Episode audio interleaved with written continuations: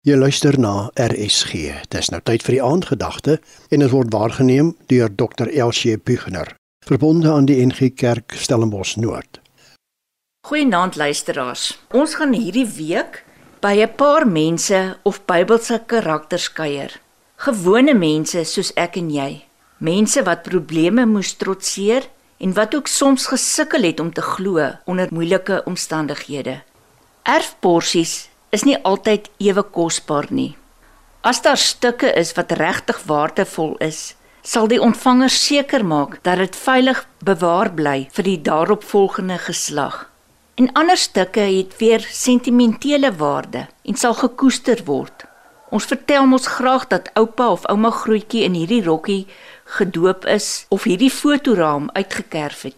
Net so word ou Bybels met hulle ragfyn bladsye van geslag tot geslag aangegee terwyl die stof versigtig daarvan afgeblaas word.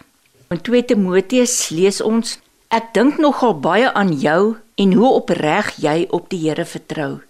Jy aard so reg na jou ouma Louise en jou ma Eunice. Ek weet dat jy ook op die Here vertrou soos hulle.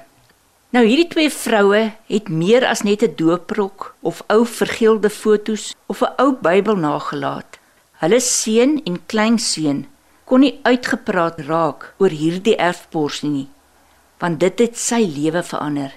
Timoteus se ouma Louise en sy ma Eunice het in sy geloofslewe belê en daardeur nie net sy loopbaan en toekoms beïnvloed nie, maar ook almal wat deur Timoteus se bediening geraak is. Hulle stemme is doodstil in die Bybel, maar dit wat hulle gedoen het, het verrykende gevolge gehad gaan kyk weer deeglik na die testament wat jy besig is om te skryf in die huis en in die omgewing waar jy beweeg.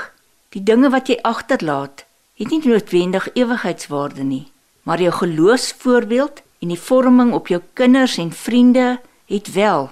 Wat gaan hulle van jou onthou en saam met hulle die lewe indra? Gaan skryf vir jouself 'n geloofsgetuigskrif. Wat gaan jou kinders en jou vriende van jou onthou? Watter invloed het jy op hulle uitgeoefen? Here, ek wil U ook opreg dien en vertrou. Laat my vertroue in U nie net lippetaal wees nie, maar 'n lewenswyse. Help my as persoon, ons as gesin, ons as kollegas by die werk om waarlik op U te vertrou en om U met ons hele lewe te dien. Amen. Dit was die aandgedagte hier op RSG, waargeneem deur Dr. Elsie Pugner, verbonde aan die NG Kerk Stellenbosch Noord.